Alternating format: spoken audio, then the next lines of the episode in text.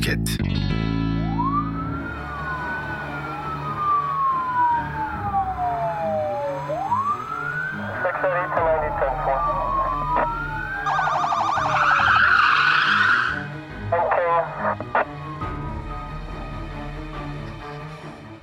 Takvimler 17 Kasım 1948'i gösteriyordu. Polisler, sosyetenin tanınmış isimlerinden Idera Thompson'ın evinden gelen arama üzerine Deer Creek yolu üzerindeki lüks malikanenin kapısını çaldı. Mississippi deltasının kalbinde yer alan ev ilk başta sessiz görünüyordu. Ancak holden odaya doğru ilerlediklerinde korkunç bir manzara ile karşı karşıya kaldılar. Idela banyoda yerde yatıyordu. Leland Emniyet Müdürü Frank Eldridge'in ifadesiyle kan revan içindeydi. Kadının yanında bir bahçe makası duruyordu. Bahçıvanların kullandığı türden sıradan bir aletti. İdela'nın vücudundaki 150'den fazla küçük kesiğin bu makasın ucundan çıktığı çok belliydi. İdela'nın ölümüyle suçlanan saldırının tek görgü tanığı kadının kızı Ruth Thompson Dickens'tı. Dickens, polise verdiği ifadede annesini öldüren kişinin siyahi bir erkek olduğunu söylemişti. Ancak yapılan soruşturmanın sonucunda gerçeklerin çok farklı olduğu ortaya çıktı. Peki ne olmuştu? Ve gerçek katil kimdi? Nitekim olay ilerleyen dönemde basında kısaca bahçe makası cinayeti diye anılacaktı.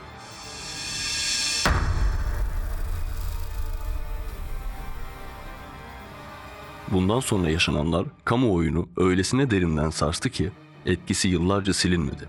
Bu olay geçtiğimiz aylarda ABD'de raflarla buluşan Deer Creek Drive, A Reckoning of Memory and Murder in the Mississippi Delta isimli kitap sayesinde bir kez daha manşetlere taşındı.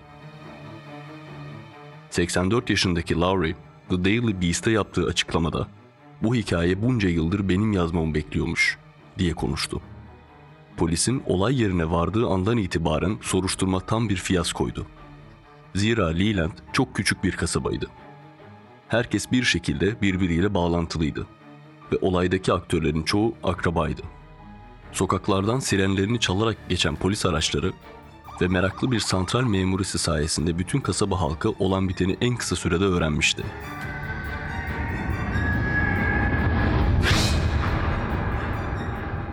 Kasabanın beyaz ahalisi bir anda eve akın etmişti.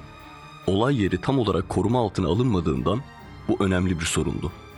Kapı ardına kadar açık bırakılmıştı ve birçok kişiye evin içine girme izni verilmişti.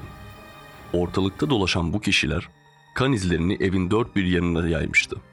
Polisler Ruth'un ifadesini hiç sorgulamadan kabul etmiş ve olay yerindeki delillerin kısa süre içinde temizlenip ortadan kaldırılmasında herhangi bir mahsur görmemişti. Üstelik birkaç bina ileride oturan Ruth'u sorgulamadan kendi evine göndermişlerdi. Kadının üzerindeki kanlı elbiseleri yıkamasına ve tüm delilleri ortadan kaldırmasına izin verilmesinin nasıl bir hata olduğu da sonradan anlaşıldı.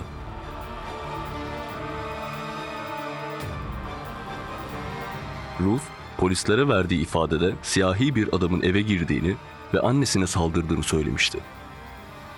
Idela, çevresinde yeri geldiğinde çok huysuz olabilen bir kadın olarak tanınıyordu ve bahçesinde yetiştirdiği pekan cevizlerine çok kıymet veriyordu. Bu cevizler çok sık çalınıyordu. Ruth, yine böyle bir şey olmuş olabilir diyordu. Belki de adam bahçeye ceviz çalmak için girmişti. Idela da bunu pencereden görüp adama çıkışmaya başlamıştı. Belki adamı korkutmak için Ruth'un gündüz getirdiği bahçe makasını eline almıştı. Adam da kendini savunma içgüdüsünü öfkeye dönüştürmesi sonucu makası İdela'nın elinden alıp kadına saldırmaya başlamıştı. Ruth'un bu şekilde ifade vermesinin ardından bir grup beyaz adam atlarını atlayıp kasabada siyahilerin yaşadığı bölüme baskın düzenledi. İfadeye uyan erkekler arıyorlardı. Birkaç saat içinde bir grup erkek gözaltına alındı ama ertesi gün hepsi serbest bırakıldı. Rolf'un çizdiği eşkele uygun kimse bulunamamıştı. Kasaba halkından bir kadın baskına giden babasının eve geldiğinde söylediği zenci filan değil, evden biri öldürmüş. Sözlerini aktarmıştı Laurie'ye. Davayı yerel basın gün be gün takip ediyordu. Ruth Thompson Dickens ve eşi John'un fotoğrafı 22 Haziran 1949 tarihli The Clarion Ledger gazetesinin birinci sayfasında yer alıyordu.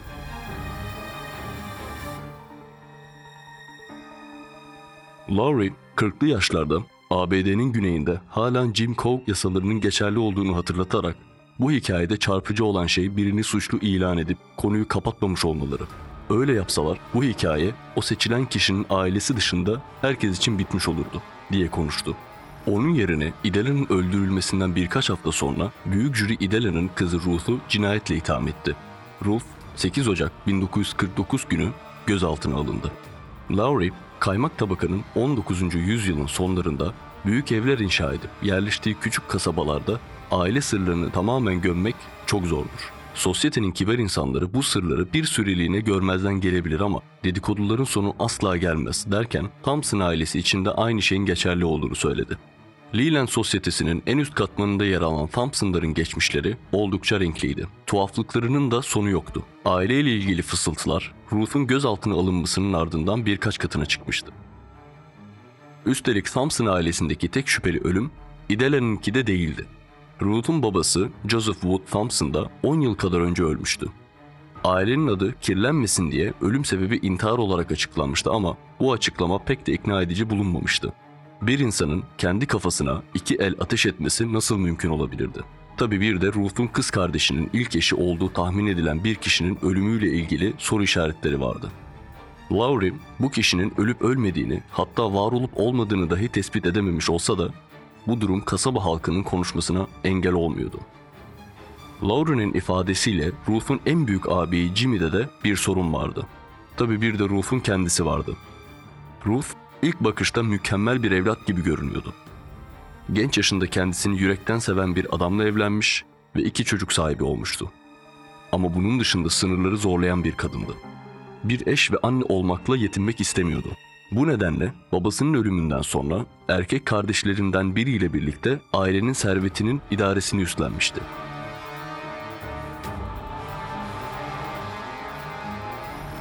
İşler bozulmaya başladığı noktada hem çeşitli bankalardan hem de kasabadaki ahbaplarından yüklü miktarlarda borç almıştı. Borç aldığı kişilere her seferinde eşimin haberi olmasın diyordu. Dış görünüşü de o zamanın standartlarına pek uymuyordu. Yargılandığı süreçte duruşmaların önemli bir kısmı Ruth'un erkeksi kısa saçlarını ve pek de feminen durmayan rahat kıyafetlerini konuşmakla geçmişti. Yargı süreci demişken, Ruth'a zengin ve beyaz bir ailenin çocuğu olduğu için iyi davranılacağını düşünenler çok yanılıyordu. Saçmalıklar daha ilk gün jüri üyelerinin seçimi sırasında başladı. Kasaba halkı salonda iyi bir yerde oturabilmek için sabahın köründe sıraya girdi. Seyyar satıcılar binanın içinde ve dışında yiyecek ve meşrubat sattı. Savcıya duyulan hayranlık öylesine büyüdü ki bir keresinde kapıdan içeriye girdiğinde izleyiciler kendisini alkışlarla karşıladı. Halkın genelinin kanısı Ruth'un suçlu olduğu yönündeydi. Ruth, mahkeme öncesi The Commercial Appeal gazetesine verdiği röportajda "İnsanların böyle dediğini biliyorum. Bence bu hiç adil değil ve yanlış. Bütün ülkeyi gezseniz beni bir öfke nöbeti içinde gördüğünü söyleyecek birini bulamazsınız." diyordu. Suçlamaları reddetmesine ve eşinin ısrarla masumiyetini savunmasına karşın Ruth'un cinayeti planlayarak işlediğine hükmedildi. Bu çok ağır bir suçtu. Cinayet sebebi belli değildi. Ama Ruth annesini para gibi bir sebep uğruna ani bir öfke sonucu öldürmüş olsa kasıtsız öldürme suçlamasıyla yargılanabilirdi. Ne var ki hüküm ağır olsa da verilen ceza nispeten hafif sayılırdı.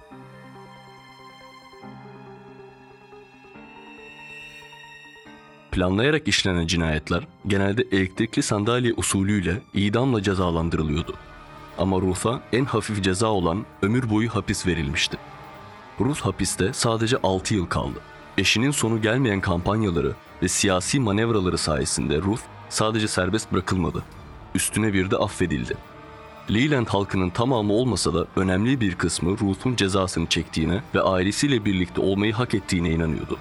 Thompson'larda Ruth'un gerçekten suçlu olup olmadığını sorgulayan kişi sayısı çok azdı.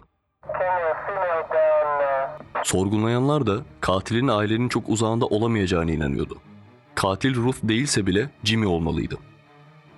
Bu teoriye göre Jimmy bir öfke nöbeti esnasında annesini katletmiş, hayatını kardeşine göz kulak olmakla geçiren Ruth da o yıllarda Mississippi'de kurulan bir mahkemenin zengin bir beyaz kadına iyi davranacağı varsayımından hareket edip şüpheleri kendi üzerine çekmeye çalışmıştı. Bu teorinin gerçek olduğuna işaret eden çok sayıda delil olmakla birlikte Lowry kitabında en büyük şüphelinin Ruth olduğunu ikna edici bir biçimde ortaya koyuyor. Küçük kasabalar öcü hikayeleri anlatmayı çok sever. Leland için bu öcü uzun yıllar boyunca bir kadındı. İfadelerini kullanan Lowry, bir noktada Ruth'a hayranlık duymaya başladığını da belirtiyor ve ekliyor. Onu özel bir karakter olarak görmeye başladım. Gerçekten çok akıllıydı. Olması gerekenden fazla akıllıydı. Benim devrimden önce yaşamış böyle birçok kadın tanıyorum. Ruth'un aldığı borçlarla ilgili Joan'a söylemeyin demesi de yetkili olmak istediğini gösteriyor. Kendi hayatını yaşamak istiyor. Bye.